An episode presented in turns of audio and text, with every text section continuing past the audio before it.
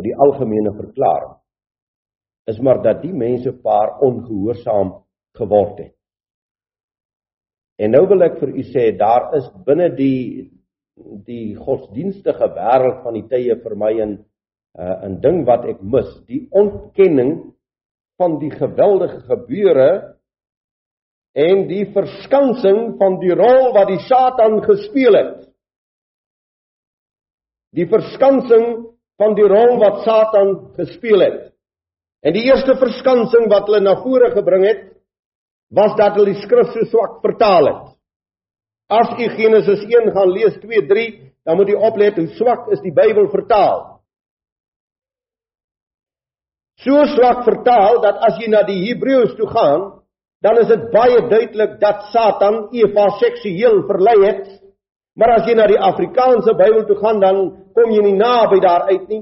So vervals dat die teologiese wêreld van vandag nog nie kan verstaan dat Satan 'n geslag op hierdie aarde kom plant het nie. Hulle stry met jou. Gaan nou na die dominees toe. Dan stry hulle met jou. Dan vergeestelik hulle hierdie gebeure. En dan kom hulle met hulle sterk dogmatiese leringe oor die jare sodat die mens nie werklik die Satan moet beskuldig. Jy moet mooi kyk daar. Daar is nie 'n plek. Daar is nie 'n terrein waar die Satan nie sy hand ingekry het om homself te verskans sodat hy nie geopenbaar word as die grond en wortel oorsaak nie van die kwaad op die aarde maar sodat Eva dan nou die wortel oorsaak is van die kwaad hierdie verleier wat vertaal word met die woord slang ons kindertjies kan maar verstaan as hulle liewer verleier daar inskrywe waar slang geskrywe staan, dan sal hulle ook weer die Bybel beter verstaan. Hierdie verleier, hierdie magtige vyand teen God. Hy verskans hom altyd in sy verskriklike liderlike werk wat hy doen.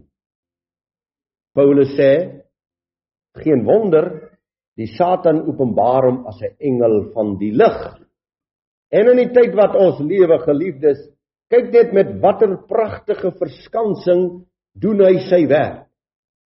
Met sy liefde en sy goedheid.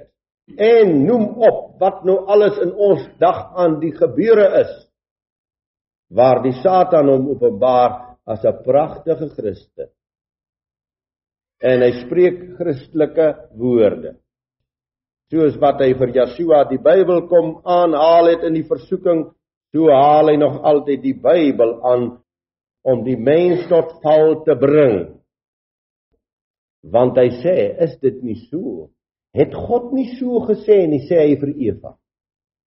Of is dit so dat God so gesê het? Het God nie so bedoel nie?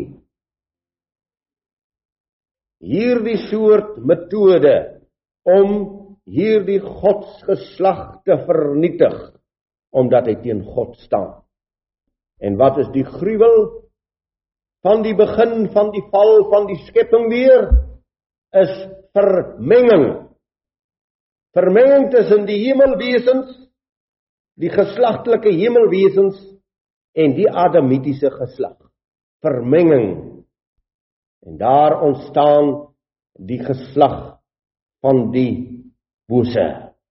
En daarom sê die skrif vir ons Kain is uit die bose gebore.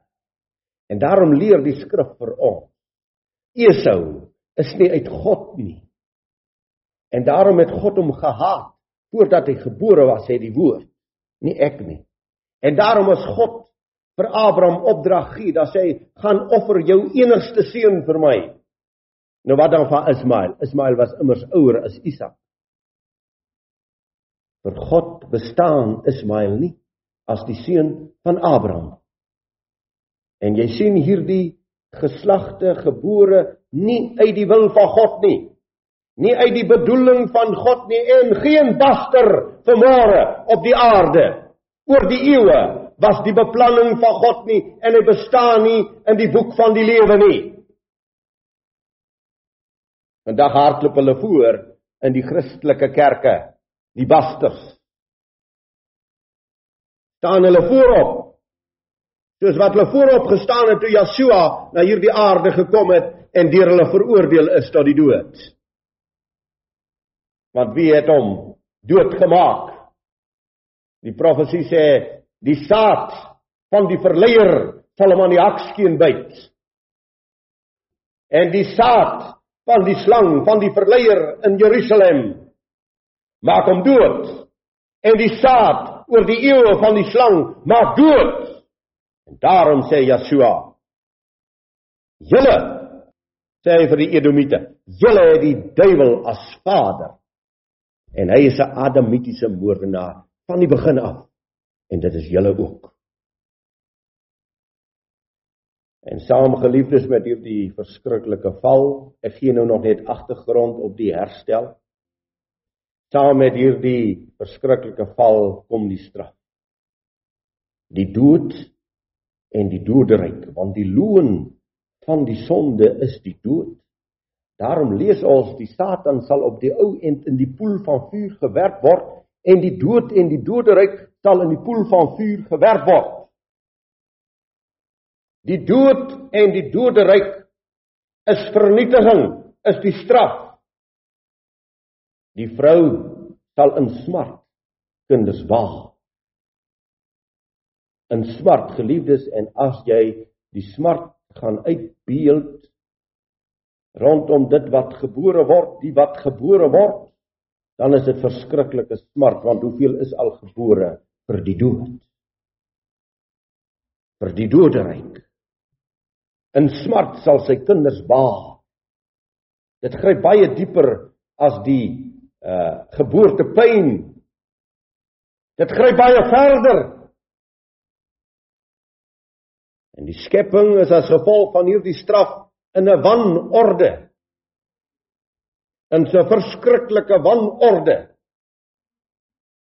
As ons moet gaan sit en weer die pyn, die smart bereken rondom die wanorde binne hierdie skepping. Dit is boeke en boeke vol wat jy sal skrywe.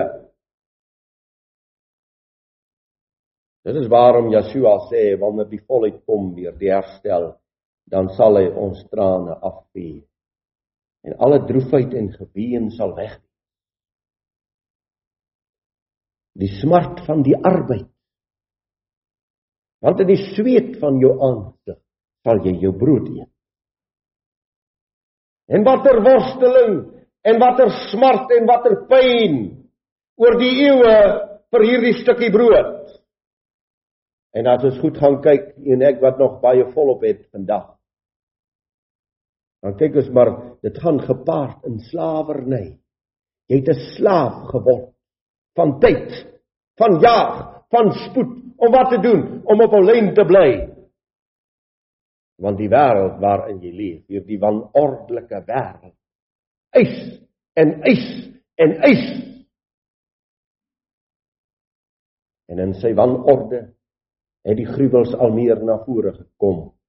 En het die gruwel so groot geword dat God in die tyd van Noag daardie wêreld van Adamite vernietig.